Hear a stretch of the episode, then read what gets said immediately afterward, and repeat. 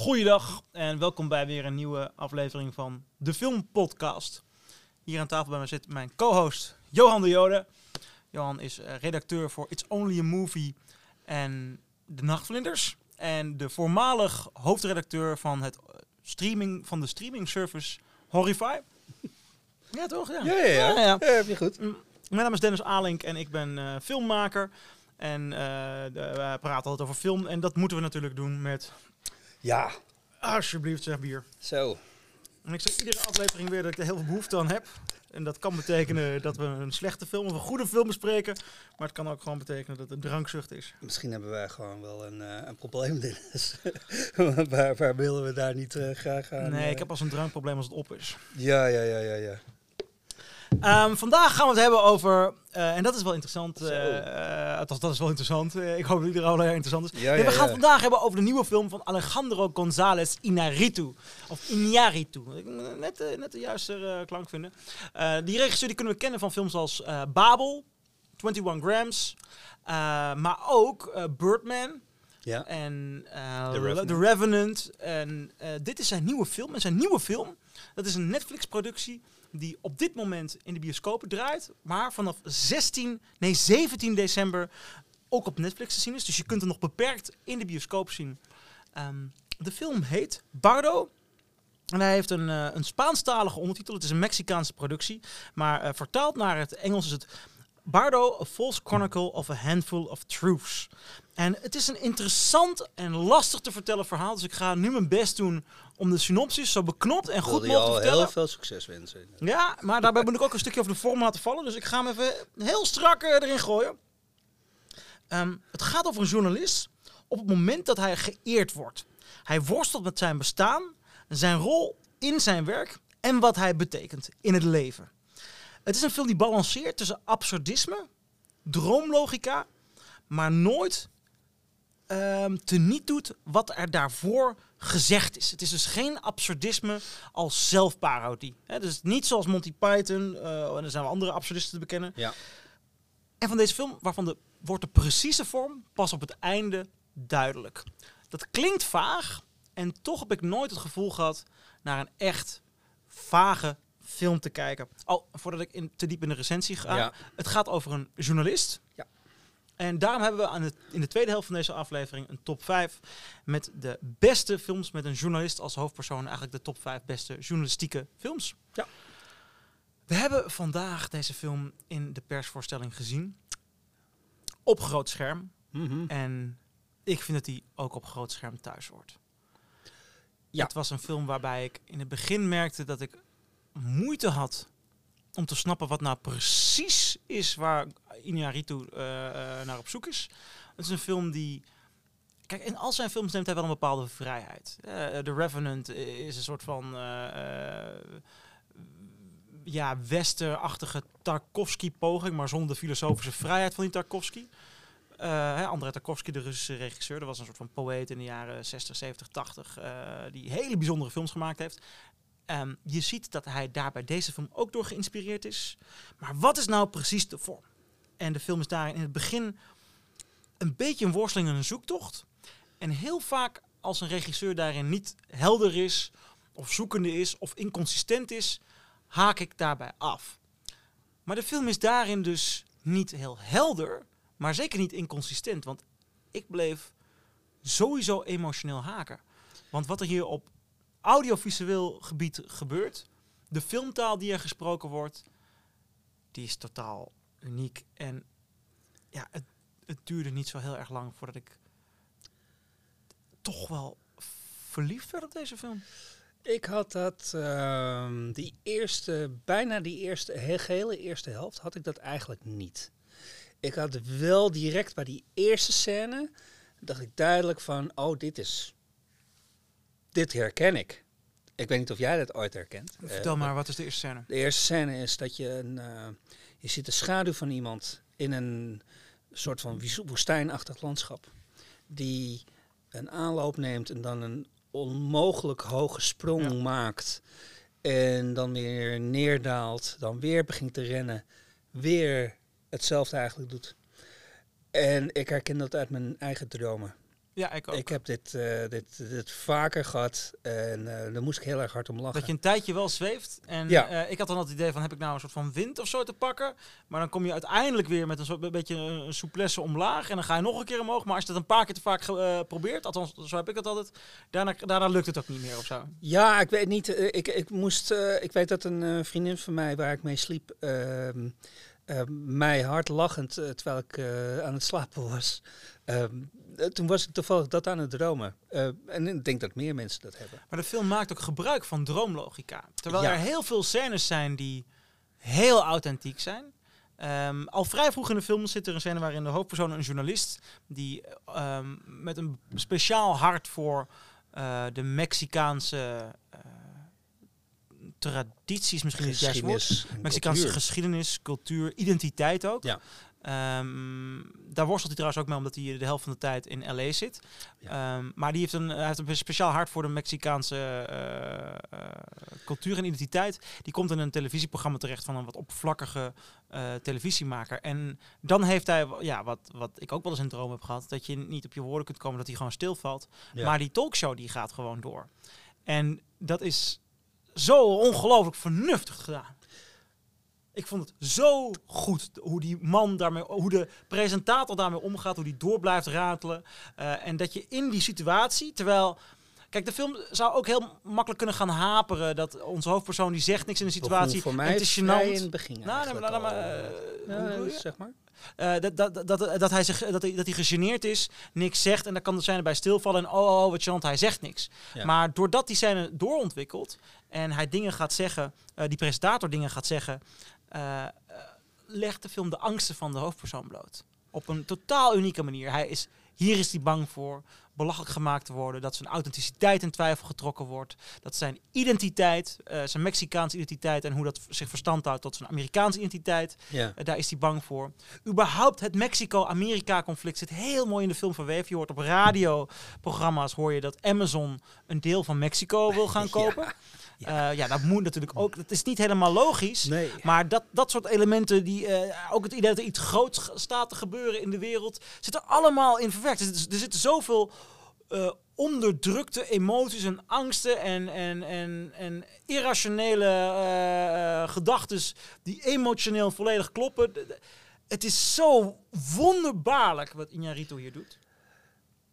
Nou ja, daar ben je positiever over dan, eh, dan ik. Ehm, kijk, die, die, zeker die, die eerste acte eigenlijk van deze film was hij me best wel kwijt.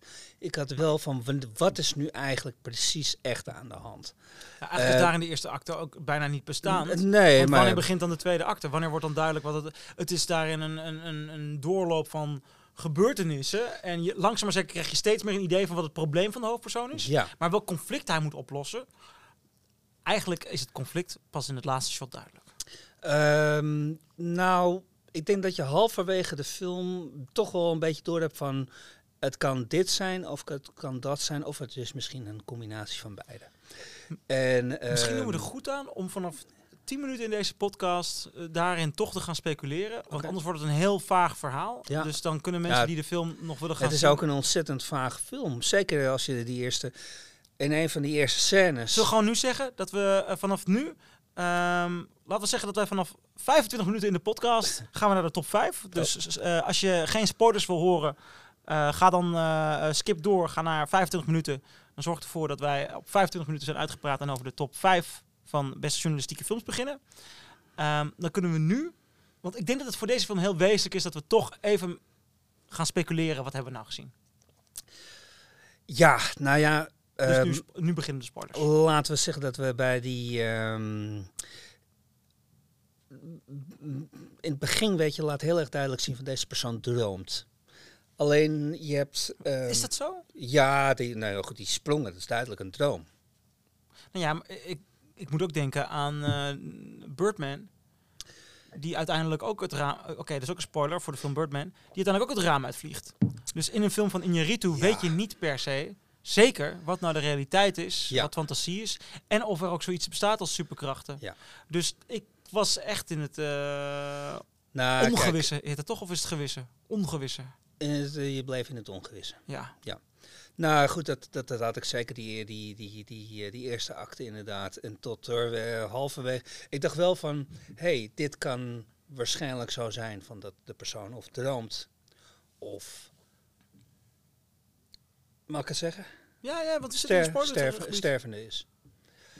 Het, um, en daarbij zijn eigen, hij is, hij, hij is, hij is continu over, uh, onzeker eigenlijk over zijn eigen beslissingen die hij heeft genomen. De rol die hij heeft betekend uh, in, uh, binnen zijn gezin met zijn kinderen. welke keuzes hij heeft gemaakt om te verhuizen naar de VS, naar Los Angeles. Maar ook de idealen die hij vroeger had. Um, dat hij daar misschien um, dat hij die, nou goed, dat misschien voor de buitenwereld lijkt alsof hij die heeft verlogend.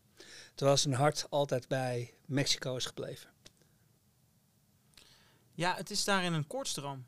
Volgens mij is het de kortstroom ja, nou, Ja, het is... Het, het, het is uh, maar ik, ik denk dat die rol van... Uh, volgens mij worstelt hij ook heel erg met zijn, met zijn journalistieke waarde.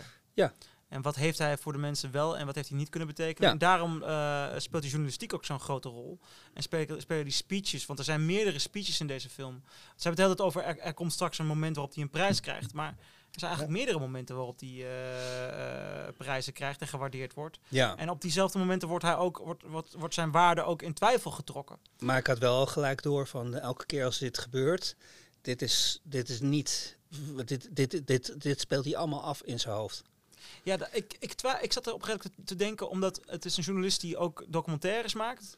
Ja. En er zitten scènes in waarin um, nou, bijvoorbeeld een camera zichtbaar wordt of lampen zichtbaar worden. Of uh, er zit een hele interessante scène in waarin hij een berg met lijken beklimt op dat, dat, dat grote plein in Mexico-stad. En op die berg met lijken van uh, native bewoners daar uh, zit Cortés. Ja. We hadden het een paar afleveringen geleden al over Cortés bij Black Panther. Klopt. Um, en hierin zit Cortés en dan zit er een dialoog met Cortés in, wat, wat, wat waanzinnig is. En dan blijkt in één keer dat hij, um, uh, dat, uh, dat hij op een filmset is. Dus ik dacht ook, de film zou ook nog eens kunnen zijn. Uh, het verhaal kunnen zijn van, van een, een journalist, een documentairemaker, die de hele tijd die een rol speelt in zijn eigen verhaal omdat het de hele tijd elementen zijn die buiten hemzelf treden en dat er daar een bepaalde symboliek is. Uh, doordat hij dat zelf in zijn verhalen stopt. Omdat um, de film de hele tijd ook heel erg bewust is van dat het een, dat het een film is. Of dat een, dingen een set kunnen zijn. En dat uh, mensen kunnen stilvallen. En, maar dat is op een ongelofelijke manier ook allemaal gedaan. Het, het is op zo'n waanzinnige filmische manier vormgegeven. Je ja. bent echt naar iets aan het kijken wat, wat ik nog nooit gezien heb. Nee, nee, nou ja, goed, ik heb dit ook nog nooit gezien. En het, uh, um, kijk, zeker bij het begin, dat je denkt van wat gebeurt hier nou? Dan leek het wel alsof ik naar... Ik dacht ook even van zit ik nou wel naar de juiste film te kijken? Uh, omdat ik het, uh, de, de, de, de ontwikkeling bij... Uh, hij, hij is in gesprek met een generaal, hè? Ja. En, uh, en, en dan, dan, dan, gebeurt er wat. Dan speelt eigenlijk een... Um, uh, het verhaal wat hij vertelt over, over Mexico. Een ja. gebeurtenis met uh, uh, negen Mexicanen die zich hebben verdedigd tegen Amerikanen. En ineens lijkt het één grote, ja, hoe kan ik het beste verwoorden, een, een soort van Tim Burton Kolder Acht, uh, Tim, uh, ja, Tim, uh, ja een, een, soort van scène, want het is over de ja, top. een reenactment, want ze gaan ook niet echt dood. Nee, en het, maar het is ook nog eens een keer een hele slechte reenactment. Ja. Het, het, het, de, ze hebben ook zich niet, en dan denk je wel van, hey, zitten we nou nog steeds in die droom? Ja. Want dat, dat, dat heb je eigenlijk continu. Maar je weet niet welke kant we opgaan. En ik had wel halverwege de film had ik wel door van, nou dit zou het wel eens kunnen zijn. En dit gaat misschien niet eens alleen over hem, maar misschien over Mexico zelf. Um, maar het is overduidelijk dat, dat, dat het de, alle angsten binnen, binnen deze persoon, de rol die jij heeft betekend, uh, dat het er allemaal, allemaal langs gaat. Ja, maar dat zou dus, uh, als het daadwerkelijk een film is, ja. um, ook het geval kunnen zijn als hij zijn eigen verhaal aan het verfilmen is waar we naar, waar, waar we naar zitten te kijken. Want er wordt wel de hele tijd uh, worden er wel opmerkingen gemaakt over dat hij ook als uh, filmmaker dan een rol speelt, maar met een journalistieke inslag, wat een, uh, wat een soort van eh, eh, lastig te duiden is wel, hoe dat nou precies eh, eh, in elkaar steekt. Dus je bent de hele tijd aan het zoeken, Ja. maar, maar op, op een hele fijne manier. En ja, ik, ik kan het toch niet om. Daarin, daarin is er ook. Er zitten twee dingen in, in, de, in de manier van werken van Iñárritu waar, waar ik nog nooit zo voor gevallen ben als nu. Eén, hij heeft heel veel gevoel voor menselijkheid. Er zitten hier gesprekken in tussen vader en zoon aan een keukentafel die zich langzaam maar zeker ontwikkelen naar dat je ziet waar het probleem tussen vader en zoon ligt. Ja. En normaal gesproken in de meeste films is of vader het probleem of de zoon het probleem. En hierbij is het evident dat ze een probleem hebben. Maar het, het is, je, je kunt lastig met een vinger wijzen waar het nou in zit. Maar het gaat ook niet ten koste van alles. Want er is toch een belangrijke band tussen die twee. Er zitten heel veel scènes in. Waar, waarbij ik af en toe ook zou zeggen van... Het is een, een coming-of-age film.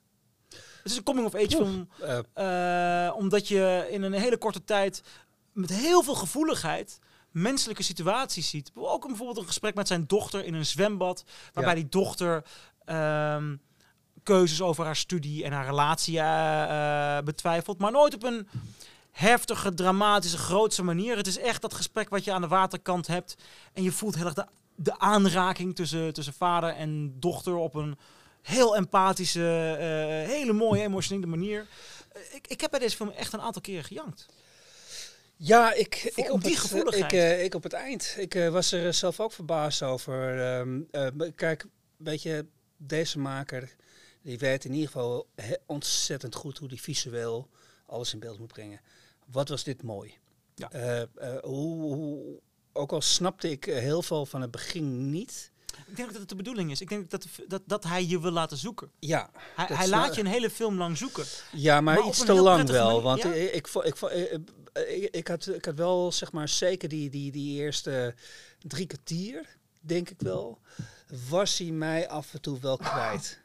En eh, ik weet niet of je dat had gemerkt bij de persverstelling, maar er liep ook iemand weg. Ja, belachelijk. Eh, ja, vind ja, maar ik vind, want dan mag je er ook niet over schrijven. Nee, ben ik helemaal mee eens. Het, eh, we ik, weet, ik weet niet van, van waarvan ze Nou, als ze nu luistert, Maar, dan eh, je ja. weet wie je bent en... eh falen. nou Nee, ja, maar- maar als het niet over vind ik het prima. Ja, dan- nee, dan- precies. Maar het, eh, ik had, ik had, ehm, ik denk dat meerdere mensen wel ook wel hadden. eh, dat, wat, wat, wat is dit voor iets? Met een baby met een ontzettend lange navelstreng. En, Ja, en dan wordt een eh, baby teruggeduwd. Ja, en dan wordt en- teruggeduwd. Want die baby de- va- ja. Ja, Maar uiteindelijk, het moment dat... ehm, ja, oké, dit- dit is wel een spoiler. Dit ga, dit ga, dit, kijk, waar we zitten al een tijdje in de spoilers. Ja, maar ik, ik vind dat er nog een niveau is, eh, verschil is in. Wij proberen de film te duiden. Ja. Vind ik nog wel wat anders dan als ik nu ga zeggen wat er uiteindelijk met die baby gebeurt bij op dat strand. Eh, dus Ja. dat hou ik liever even voor me, want dan... Kijk, de spoilers hier zijn, zijn niet, doen niet af aan de eh, eh, Nee, ervaring van de film. het- Als ik nu ga vertellen wat met dit baby gebeurt, wel. Maar op het moment dat dat gebeurt, heb ik, had ik ook tranen in mijn ogen. Dat was Ja, zo'n het mooie een eh, ik vond het ook.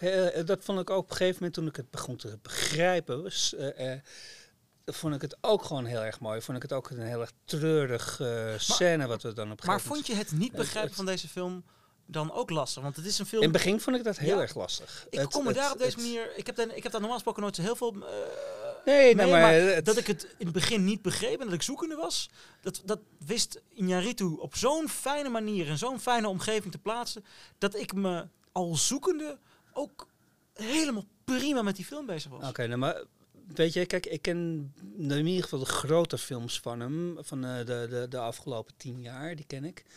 En eh, ik had gewoon dit niet verwacht. Ik Nee, zat in het begin heel erg van, Ik ook totaal wat, niet. Waar, waar gaan we in godsnaam naartoe? Nee. En Dit was echt een verrassing. toen ging er bij mij wel een, eh, een weet je, ABC'tje. Het zou dit of dit of dit kunnen zijn. Of een combinatie van. En wat er natuurlijk echt gebeurt, of wat er echt plaatsvindt, nou ja, dat, dat zie je eigenlijk in die laatste tien minuten.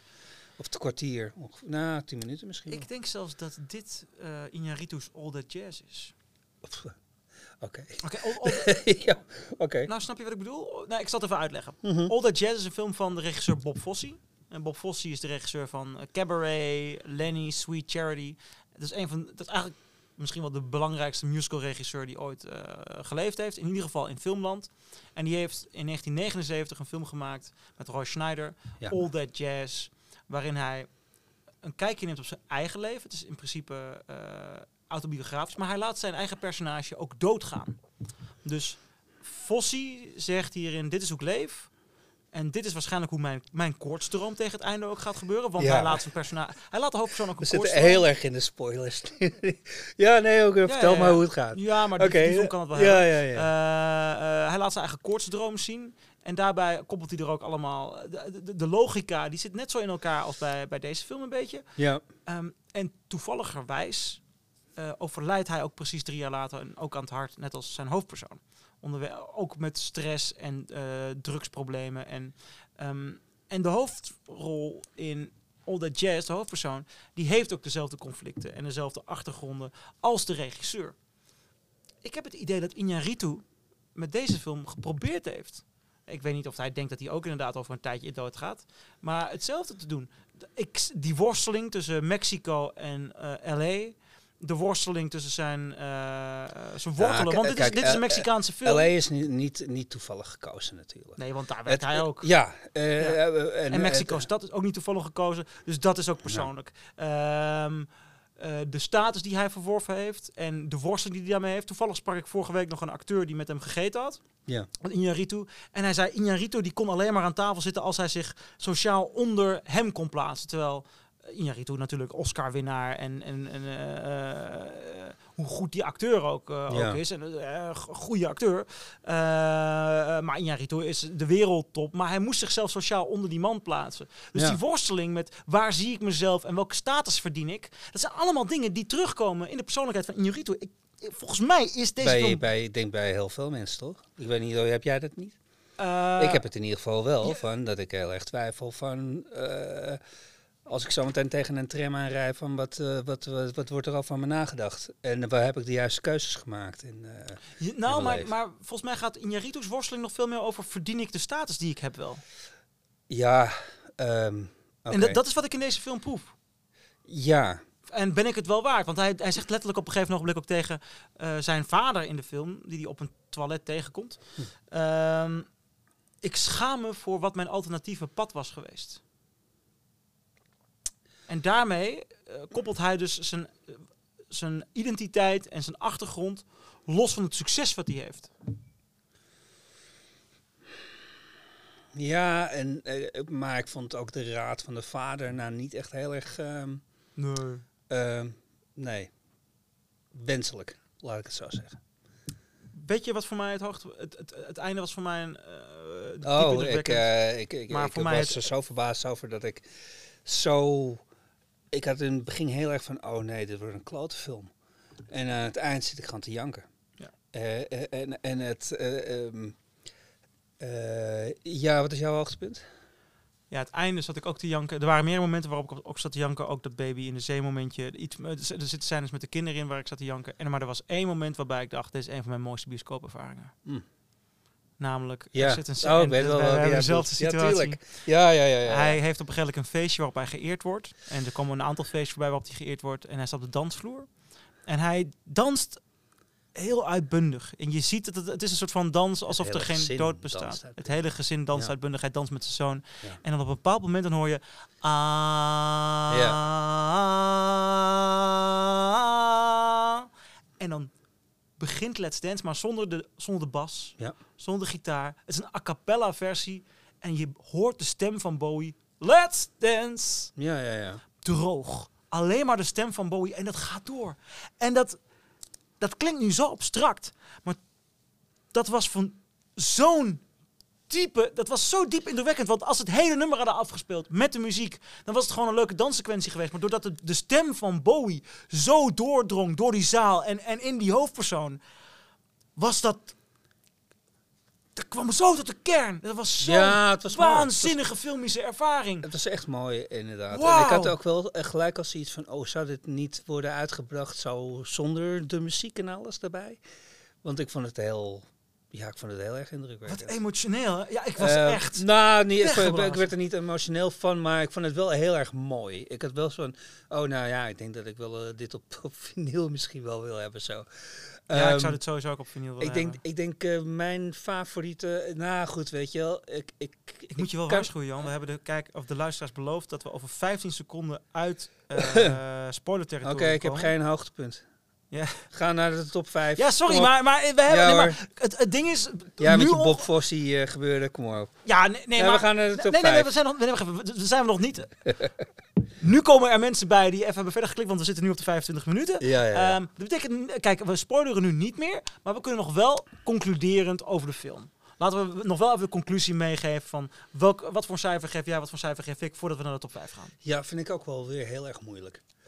Ehm, met name omdat ik zo zoekende was in het begin. Eh, en wel zo onder de indruk was aan het eind, denk ik. Shit. Ik denk, ik, ik- nou, weet je, laten we positief blijven. Vier sterren. Vier, sterren. Nou, dat is, dat is het tegencijfer toch? Ja. Ehm, de- voor mij is dit een van de verrassingen van het jaar. Ja. Ik heb vorige week vijf sterren gegeven. Voor Vortex. En dat had ik niet verwacht. En ik geef deze week weer vijf sterren. Voor Bardo. Doe maar. Ehm Wauw, ik, sterker zelfs, ik ga nog een stapje verder. Ik vind dit de beste film van Alejandro González Iñárritu. Iñárritu. Ehm, Ik ben diep, diep, diep, diep, diep onder de indruk. Ik vind dit echt een meesterwerk. En hij neemt me nu naar plekken waar hij me met zijn vorige films nog niet naartoe heeft gebracht. Nee, dit is helemaal geen recht hoe recht aan film eh, wat ik eh, meer van hem had verwacht. Ik bedoel, buiten het visuele aspect, hè, van wat is natuurlijk prachtig. Ook hier zijn dingen weer dat ik denk van, jeetje, we brengen dit mooi in beeld. Maar het menselijke drama, de gesprekken die mensen voeren, ontzettend goed. Waanzinnig. We gaan nu, omdat deze film Ja. het verhaal is van een journalist. Er is een grote traditie in filmland van films over journalisten en over journalistieke worstelingen. En ehm, laten we beginnen bij jouw nummer 5 van de top oh, 5 mijn nummer vijf. journalistieke Oh, films. ga maar gelijk weer met mij beginnen. Ja, of wil je, Eh, ja, eh, ja, ja, ik, kan ook, eh, ik kan ook beginnen wat jij wil. Eh, Ehm, ja, ik wil ook gelijk eventjes de, even de, de, de- het jaartal erbij. Eh, ehm, even kijken. De, nou, dan ben ik het even helemaal kwijt. De Sweet Shit. Puntje, puntje of succes. Dan kom ik. ik moest het even lopen zoeken. Ik dacht, wat- wat is dit? ja, weet ik. De, de, Je hebt gewoon notities bij. Waarom, waar- waar- waar- wat is het probleem? Ja, weet ik, maar ik zat gewoon eventjes te zoeken Ja, omdat ik nog eh, de Sweet Smell of Success. Tony Curtis. Eh, ik weet niet of je het film kent, het is film noir. Het ehm, is volgens mij van 57, als ik het goed heb. En het gaat over een, een, een, een, een, een eh, columnist die niet genoeg levert eigenlijk voor de krant. Ze verliezen eigenlijk, eh, zeg maar, met, met wat, wat, hij doet, eh, de sweet, sweet smell of succes. Zeg ik dat nou wel goed? Ja, nu zeg ik wel goed. Het, ehm, hij, hij levert niet voldoende. En hij heeft ook nog eens een keer een zus die met, eh, met, met iemand heeft waar hij, hij is veel te, eh, noem je dat in het Nederlands, protective? Te, Beschermend? beschermend eh, jegens haar. En besluit dan om, omdat het een, een, een jazzpianist, eh jazzgitarist is, die heel erg bekend is. Maar hij was toch columnist? Hij is columnist. En zijn zus is een Maar de, jazzpianist. nee, de, de zus heeft een relatie met iemand die die niet zint. Oh, ja, ja oké. ja. Sorry, ik zeg het helemaal verkeerd. En ehm, hij probeert daarmee dan eh, geruchten te verspreiden. Door middel van zijn eigen krant, Column. zijn eigen column. En eh, eh, het, dit is zo'n... Het zit zo... Ik, eh, nou, het is bijna be- belachelijk eigenlijk dat ik naar een film van 57, zeg maar, zit te beschrijven. Omdat het zo... Het zit zo goed in elkaar. En het, ook al verkloot ik die hele titel van deze film, maar het zit zo goed in elkaar. En eh, het spel van Tony Curtis vind ik echt geweldig. Een goede acteur is dat. Eh, ja, ik heb hem niet en- gezien, deze film. Het, het, eh, ehm, eh, nou ja, ik, heb, ik, ik, ik had hem volgens mij ooit eens in de jaren negentig een keertje half met een half oog gezien. En twee of drie jaar geleden, toen heb ik de Arrow-editie op Blu-ray gekocht. Oh. En, Arrow Academy of Arrow... volgens mij is dat nog onder de Oh, ja. Academy-titel, wat die nu weg is, helaas. Maar, het was een ehm, wat artistieker label van de Arrow. Ja, Arrow het waren mooie meer- Blu-rays. Dus als je Ja. nog een Blu-ray wil Arrow Nou, is nou. altijd wel goed. Nou, nou, dat is zeker aan te raden. En het, ehm, eh, dit is een, nou, een geweldige film waar zonder ehm, een, een, een, een, eh, Lady to Kill Force, zeg maar. Het gaat over intriges, over geruchten. Hoe weet iemand die eigenlijk gewoon ehm, moreel eh, onderaan staat, eh, die een hele vreemde, bijna nare, incestueuze houding eigenlijk tegenover zijn zus, zeg maar, heeft. Hoe die daarmee speelt. En het wordt zo goed gedaan. Je hebt hem op Blu-ray. Hey, ik heb hem op Blu-ray. Mag ik hem van je lenen? Mm, natuurlijk. Dit, dit moet ik zien. Je hebt, je hebt me overtuigd. Ja, nou ja. de eerste die Ook al verkloot ik die hele titel. Maar Ja, het, het, het, is, het is echt een aanrader. Oké, op mijn nummer 5 staat de documentaire Citizen 4. Nooit gezien. Citizen, Nooit van gehoord eerlijk gezegd. ook. Citizen 4, Ja. dat eh, is een film uit 2014. Ja. En het interessante is, de documentairemaker volgt een journalist die op dat moment in de tijd benaderd wordt door Edward Snowden. Oh, Edward Snowden is dan nog niet bekend. nee. En voordat hij bekend wordt als de grote klokkenluider, eh, maar een belangrijke klokkenluider, want hij heeft dingen verteld over spionage en hoe eh, eh, bijvoorbeeld eh, via telefonie mensen gewoon worden afgeluisterd. En, en het, hoe ongelooflijk veel ehm, men al van ons kan weten. Eh, gewoon echt vanwege eh, wat hij van, vanuit de binnenkant gevonden heeft. Het zijn geen complottheorieën. Snowden heeft dat, echt vanuit de binnenkant de informatie gekregen. Ja. En Snowden is op dat moment ongelooflijk voorzichtig. En op het moment dat hij hem benadert, weet nog niemand wie Edward, Snowden is. En de documentairemaker en de journalist zijn de eerste die dit verhaal horen. Maar het begint al met dat we een zwart scherm ziet, een computerscherm van iemand die via een, een geheim kanaal contact zoekt en eerst moet testen, kan ik jou vertrouwen? En dan afspreken. En dan zien we later, ja, ik kwam niet opdagen, maar ik heb je wel gezien.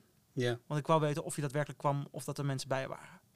Nu weet ik dat je het vertrouwen bent, nu gaan we nog een keer opnieuw afspreken. Je ziet het hele proces. Het lijkt bijna fictie.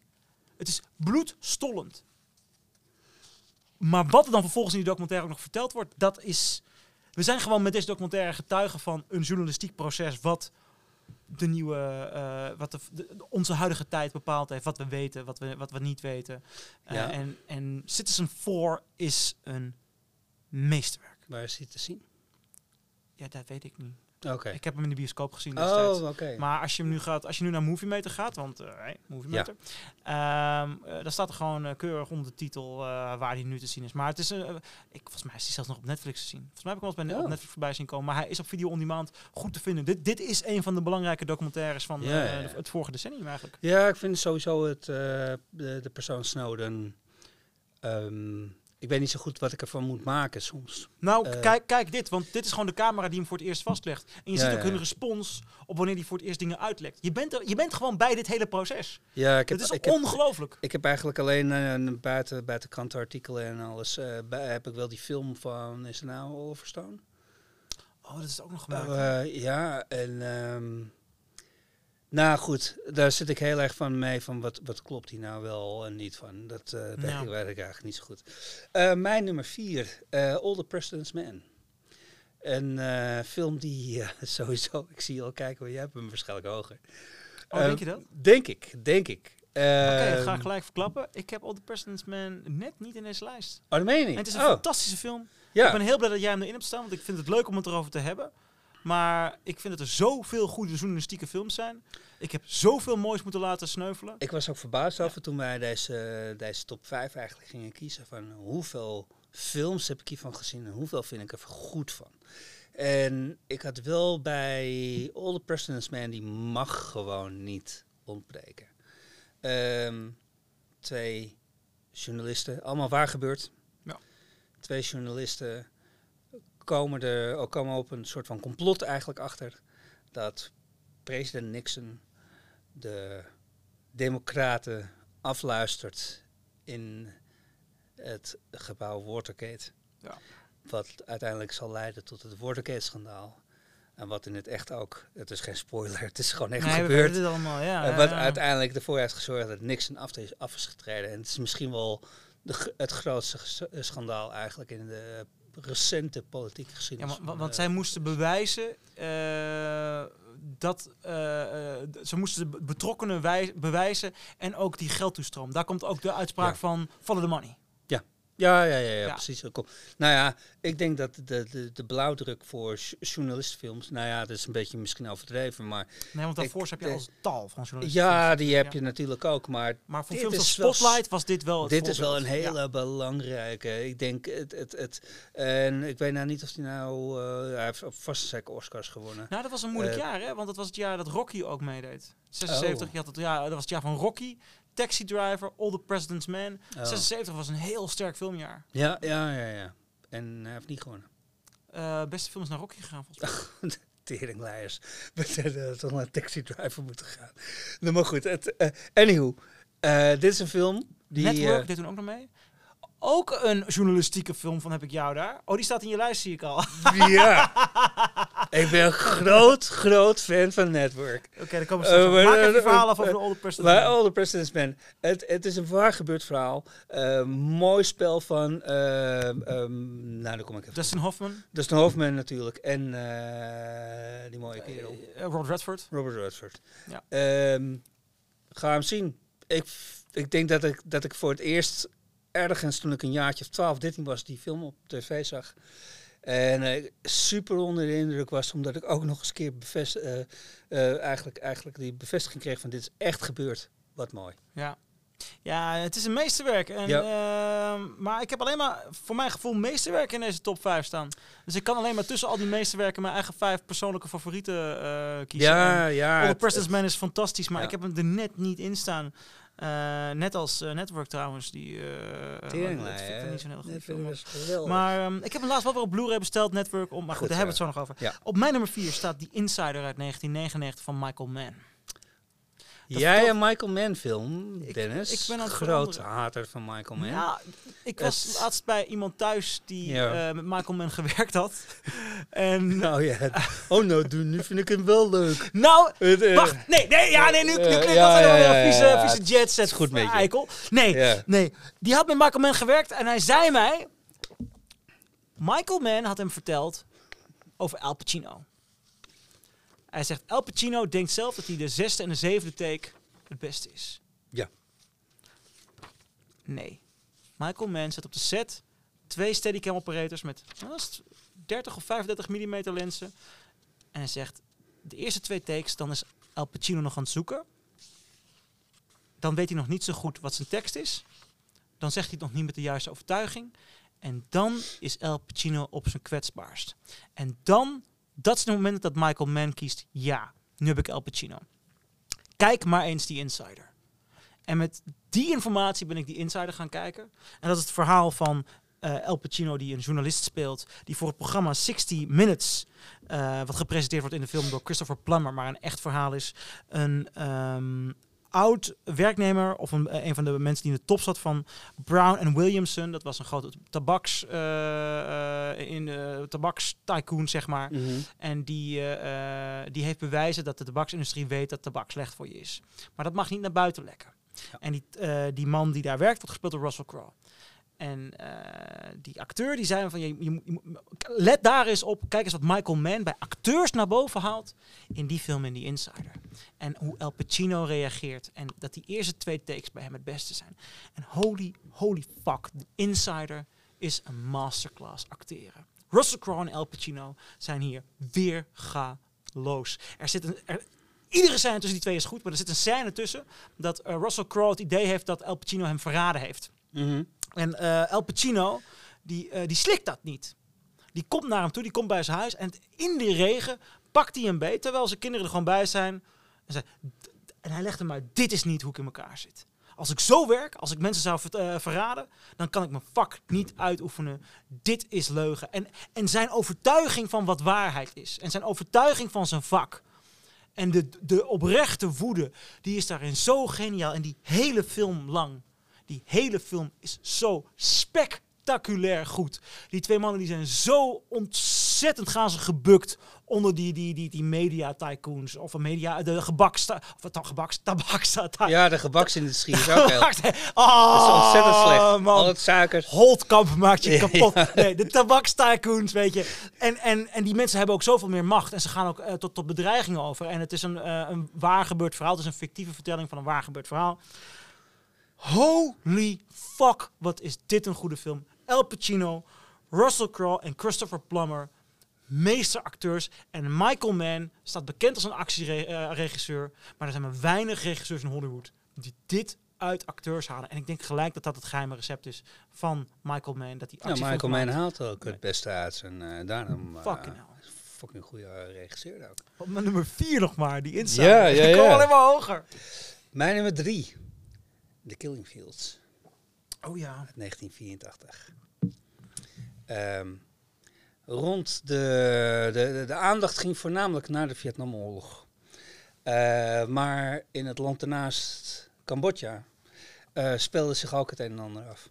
En daar was ook een soort van eh, revolutie gaande, een idiote revolutie, geleid door Pol Pot.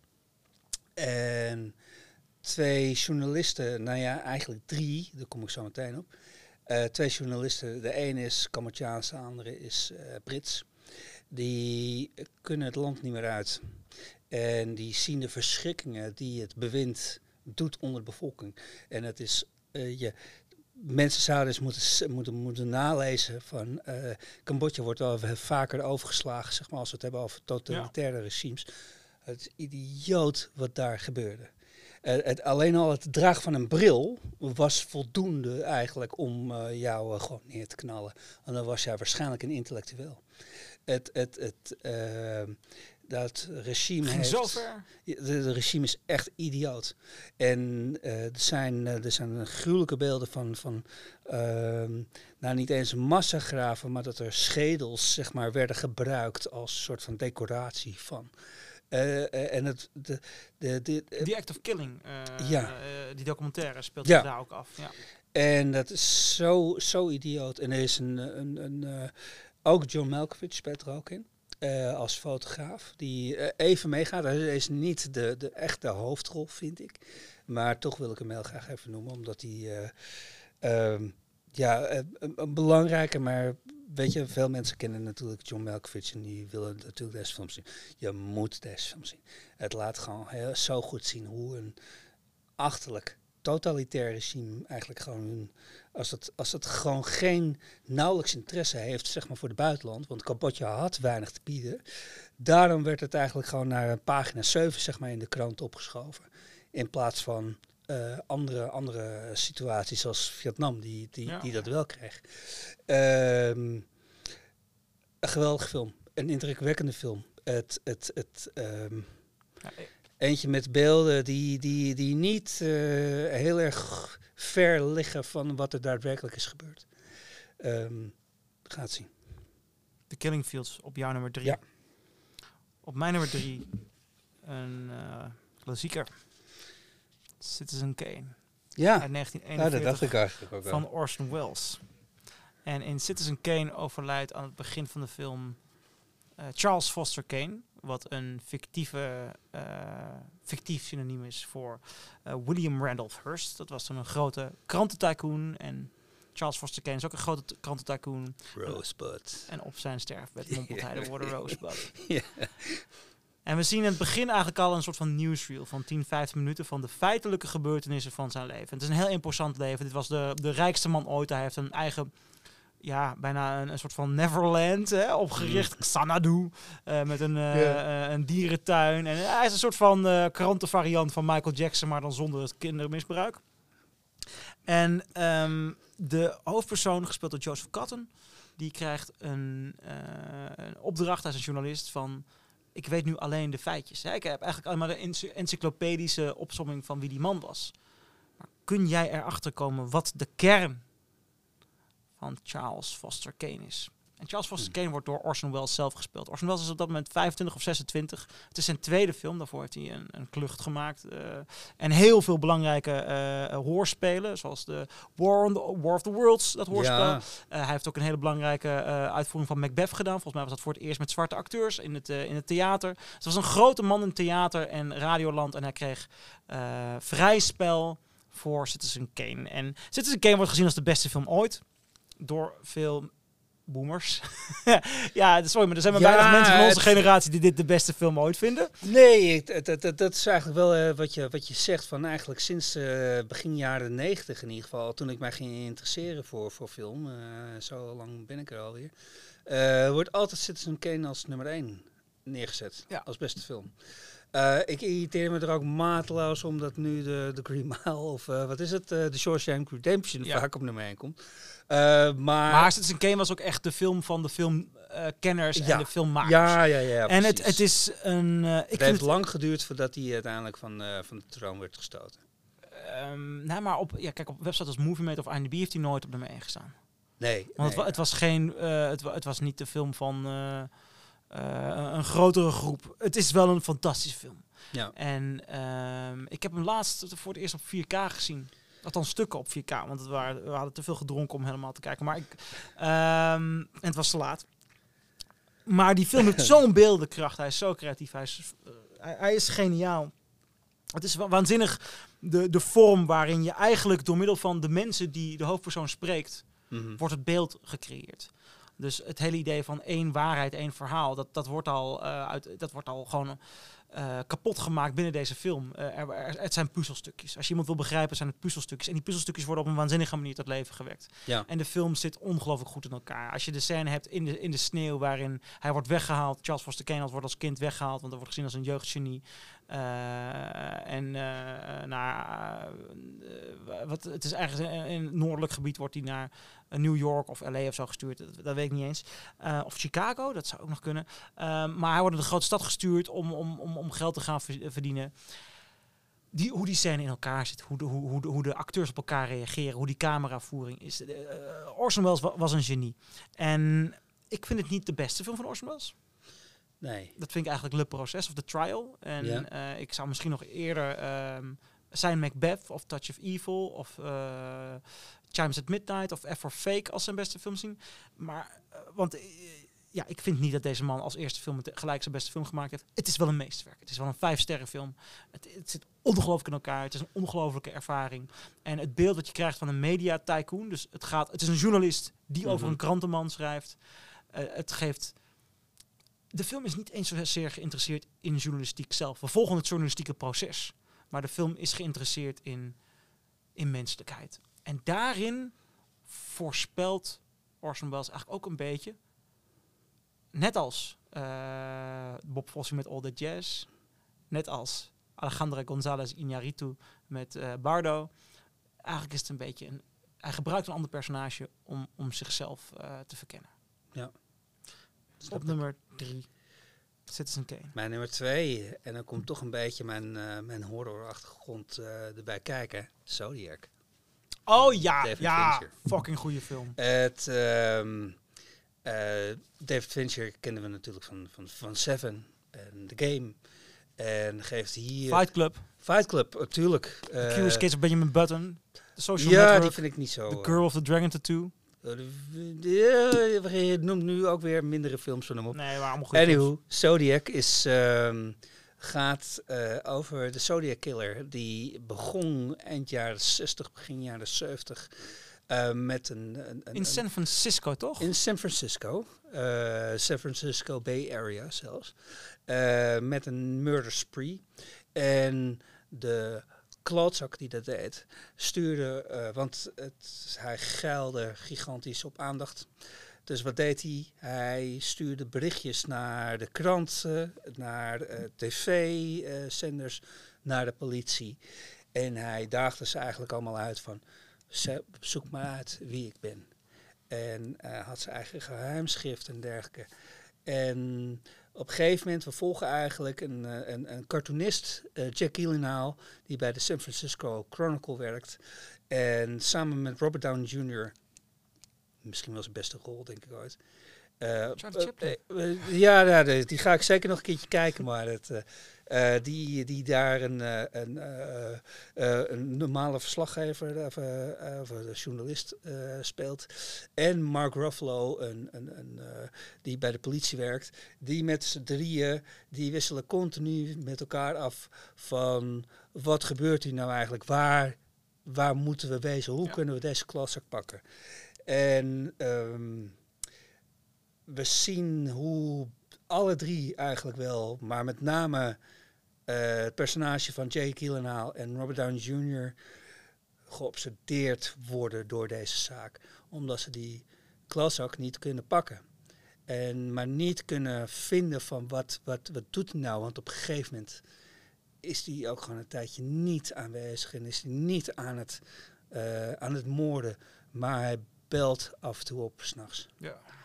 En dan zegt hij niks. Ze weten precies met wie ze aan de telefoon zitten. Zo ongelooflijk goed. En het, eh, er zitten gewoon een aantal scènes bij. Je ziet op een gegeven moment, een, een, ik noem het eventjes maar, een, een reenactment. Een, een, eh, hoe, hoe eh, een be- be- bepaalde situatie, een gebeurtenis met de Zodiac Killer is geweest. En dan zien we de Zodiac Killer. En dat is gewoon een kerel die met, met huistuin en keuken, gamma ka- eh, apparatuur, zeg maar, gewoon zo'n pakje heeft gemaakt. Maar het is zo eng. Ik En die het film is een van de engste scènes ooit. Dus de, die, die dominantie die hij heeft over zijn slachtoffers. Het is zo. eh, nou ja, het is, het is moeilijk te beschrijven, maar eh, het, het, het, het is die, die machteloosheid, je begrijpt het Ja. helemaal. En, eh, en Fincher weet direct ook van, weet je, wanneer je het niet verwacht, je verwacht eigenlijk gewoon zes seconden later dat er iets gebeurt. Nee, het ging nu. En Ja. dat is zo in één keer baf Ja, in your face. Het is, het is een meesterwerk. Ik vind, ik vind, er is een scène dat een, een stelletje daarbij een ja, meer nou, ligt. die, die bedoel ik. En Ja. eh, ze zien in de verte iemand aankomen. En Ja. dan eerst is dat besef van... Die gast die kijkt naar ons. Ja. Eh, wat moet hij nou kijken? Maar het is gewoon een man. Het is gewoon een man. Wij zien zijn gezicht niet. Het is het gewoon een public area, iedereen En kan er lopen. dus ja, het is gewoon een publiek eh, park. En die ja. twee die zijn ook... Nou ja, goed, laat hem maar. En hij komt steeds dichterbij. En, hmm. en oké, maar je bent nu toch een beetje vervelend. En, het, en je voelt, het is niet een scène die vanaf het begin af aan zegt, het is een moordenaar, die gaat je pakken. Nee, nee, het zegt, dit is een beetje een rare man. En die gaat je, en op een bepaald moment komt het besef, ah, die gaat ons overvallen. Oké, doe je handboeien om. Ja. Oké, nou ja, hij wil dat ik handboeien omdoe, zodat hij gewoon weg kan komen met ons geld. Prima. Niks aan de ik hand, speel je wel, gewoon ja. mee, ik speel gewoon mee. En je gaat volledig mee in de, ho- de hoop van de personages is volledig logisch. En dan langzaam maar zeker komt het besef dat er geen enkele hoop meer is en dat die man in een bepaalde koelheid en berekendheid niet een, een overvaller is. Nee. En, en ja, die scène heb ik wel echt van wakker Ja, een De tweede keer dat ik hem zag, lag ik er vanaf van wakker. Het is een ontzettend goede Een scène. heftige film. Ja. Dat is jouw nummer twee. Dat is mijn nummer twee. Nummer op het Zodiac. Ja. Op mijn nummer twee staat een film van Todd Heinz. Die vorig jaar de Velvet Goldmine documentaire gemaakt had. Die we kunnen kennen van Carol en van I'm Not There over eh, Bob Dylan. Todd Heinz heeft in 1998 een film gemaakt over het einde van de glam rock. Velvet Oh, Goldmine. jezus. Ja, tuurlijk. En Velvet Goldmine vertelt het verhaal van een journalist, gespeeld door Christian Bale, die toen hij opgroeide een, ja, een glam rock icoon had. En er zijn mensen die zeggen dat glam rock icoon, dat is Dave Bowie. Er zijn meerdere invloeden om, die, om dat icoon te maken, want het is aan de ene kant Dave Bowie, hè, en, eh, en ook de biseksualiteit van David Bowie, want de hoofdpersoon heeft ook een seksuele coming of age gehad. Die journalist Christian Bale heeft een seksuele coming of age gehad door de glam rock muziek van dat icoon. Maar er zit ook Joe Briat in. Eh Joe Briat was eh, in Amerika, hebben ze hem gelanceerd als het antwoord op David Bowie. Heeft een fantastisch album gemaakt trouwens, eh, is helaas vergeten. De bijpersonages zijn samensmeldingen van onder andere Mark Bolan, Iggy Pop en Lou Reed. En dat komt terug in, in twee personages. Het Bowie Joe Briat personage, gespeeld door Jonathan Rhys Myers. En dan heb je nog eh, eh, een Jack Ferry, wat eigenlijk een soort van Mark Bolan is. Mhm. En dan heb je Ewan McGregor, en die speelt eigenlijk een samensmelting tussen Lou Reed en Iggy Pop. En die film... ehm, eh, de hoofdpersoon Christian Bale komt achter een, een, een journalistiek geheim binnen de popwereld. Dat zal ik maar niet verklappen. Maar hij wordt op die zaak gezet omdat zijn seksuele coming of age gelijk liep met de dood van zijn held. Hè, het Ziggy Stardust-achtige figuur. En die film... ehm, ik had een hele tijd op nummer 1 staan, maar ik, ik vond op journalistieke basis heb ik hem toch nog even omgewisseld. Want ik vind dat die andere film net iets meer over journalistiek Ja. vertelt. Maar dit is een van mijn favoriete films. Ik heb hem 10, 15 keer gezien. Hij, het, het is, er zit zoveel waanzinnige muziek in. De muziek van David Bowie kon dus niet kleren. Want David Bowie... eh, eh, het is niet David Bowie. Nee, nee, nee. Dat suggereert tot Heinz ook niet. Ja, het wordt wel gesuggereerd, maar er worden ook andere personages gesuggereerd. Dus die muziek hebben ze niet. Dan denk je, is het een gemis? No fucking way. Want ze hebben wel de muziek van Lou Reed, Steve Harley en Cockney Rebel, wat een belangrijke glam rock band is. Eh, eh, Iggy Pop heeft zijn muziek eraan eh, verleend. Het- is eh, ehm, Roxy Music zit erin.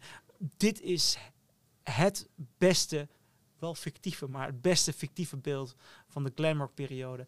En, en dat vind ik, daarom moet het zo hoog in de lijst. De emotionele impact en de seksuele impact die dat gemaakt heeft. Het is een, de film is een bevrijding. De ja, film is een bevrijding van andere normen. En Christian Bale, een piepjonge pi- Christian Bale, speelt dat waanzinnig. En, en er zit zoveel in. Er zit, er zit, er zit zoveel in. Ja, eh meesterwerk. Ja, nee, snap ik. Ik heb hem al jaren niet meer gezien, maar ik ga hem binnenkort wel weer even kijken. Velvet Goldmine cool, maar... op nummer 2. Nee, ik, eh, nummer 1 natuurlijk. Network. Nee!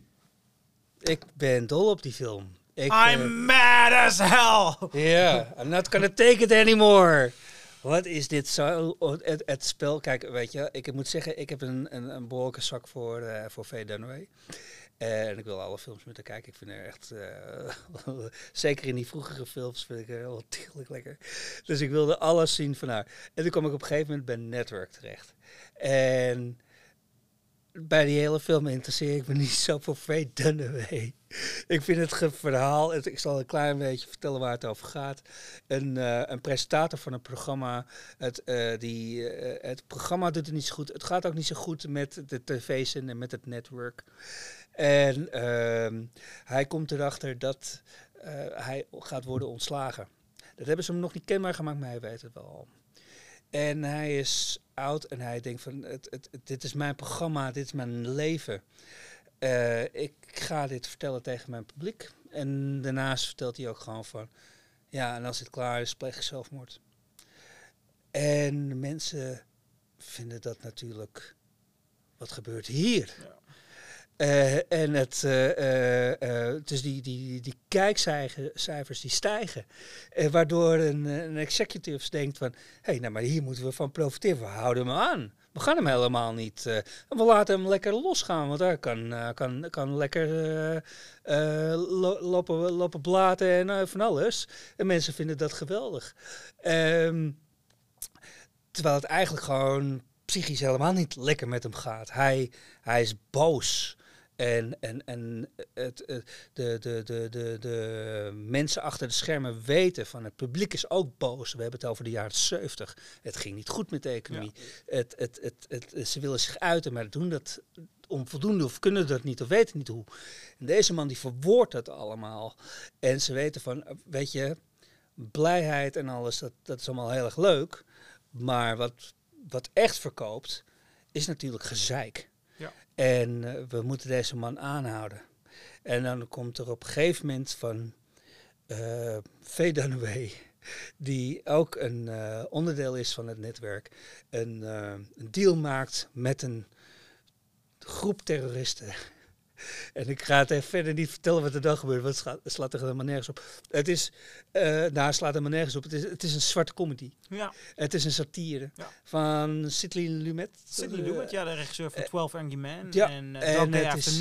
Het is zo, het is zo spot on en een film van 76 die nog steeds voor mij voelt van wat zeggen ze eigenlijk hier allemaal. En ik zie dat, ik zie dat nog steeds bij eh, op tv nu en op, op, op internet ook alleen maar verschijnen. Het is veel, veel interessanter voor mensen als je eh, eh, negativiteit verspreidt dan positiviteit.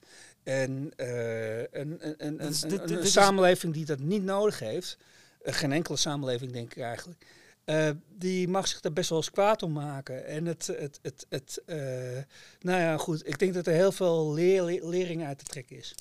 Ja, ik heb hem. ehm, ik vond hem nooit zo goed, maar ik heb hem laatst wel op Blu-ray besteld. Voor Ja. 6 euro op Amazon. Ja, Of misschien nog minder dat is wel zelfs. goedkoop. Heel De goedkoop, Arrow ja. editie ook. Nee, nee, de, eh, Ach, eh, de cheap. Duitse editie. Cheap oké. Nou, ik heb hem heel even getest en die ziet er behoorlijk goed uit. Ja, ja, oké. Ja, nee, Duitsers kunnen soms hele mooie Blu-ray Ja, dat is ook zo. dus, ehm, eh, maar ik ga hem dus binnenkort weer een kans geven. Ja, nou, ik ben benieuwd. Jouw nummer wat je- 1, Network van Sidney Lumet. Zeker. Mijn nummer 1 is een film van Billy Wilder Oh, uit 1951. ja. Ace in the Hole. Ja. En Ace in the Hole vertelt het verhaal van een journalist, gespeeld door Kirk Douglas, die eh, voor een tal van grote kranten gewerkt heeft, maar het is een schuinsmarcheerder. Hij eh, is met de vrouw van de hoofdredacteur naar bed geweest. Ja, hij, ja. Is met, hij is met drank op op zijn werk betrapt. En nu zit hij in Albuquerque, New Mexico. En eh, biedt hij zijn verdiensten aan voor 1 vijfde van zijn dagtarief aan een kleine lokale krant. En ze gaan ermee akkoord. En wa- waarom gaan ze mee akkoord? Want hij is goed. Althans, hij beweert dat hij goede journalistiek kan bedrijven. En hij is op zoek naar één grote doorbraak. En die doorbraak vindt hij op een gegeven ogenblik. Er zit een man vast. Ergens in een, eh, in een mijn. En is dat nieuws? Wel als Kirk Douglas personage ermee aan de hals gaat. Ja, ja, ja. En die man die is... En dat, dat is zo knap aan deze film. Kijk, ik vind Billy Wilder een van de beste schrijvers en regisseurs ooit. Maar in deze film, in 1951, voel je een vrijheid die je in films in de jaren 50 bijna niet voelt. Het personage van Kirk Douglas is zo door en door slecht eigenlijk, maar ook zo ongelooflijk intelligent dat hij een hele film lang blijft verbazen. Er zit een scène in dat, je, dat hij een, een artikel krijgt toegestuurd en hoe hij van een normale tekst, een feitelijk, feitelijke tekst, journalistieke sensatie maakt. En dat is met zo'n vernuft, dat is met zo'n besef van hoe de media en journalistiek werkt. Eh, en dat vind ik ook het bijzondere aan, aan die films over journalistiek. Omdat filmmakers, kijk, filmmakers en, en, en documentairemakers ook, zijn echt een ander vak dan journalisten. Soms denken mensen dat documentaire journalistiek zijn. Ik heb er wel eens discussies mee gehad. Of dat je dan merkt dat, dat een, eh, een, een recensent een, eh, een documentaire van me beoordeelt op de journalistieke waarde. Denk ik, nee, ik ben, ik ben geen journalist. Ik ben een verhaalverteller. Dat is wat anders. Een documentaire is... Je kunt journalistieke documentaires hebben, maar, maar het is anders. Maar door dat grensgebied kunnen filmmakers wel...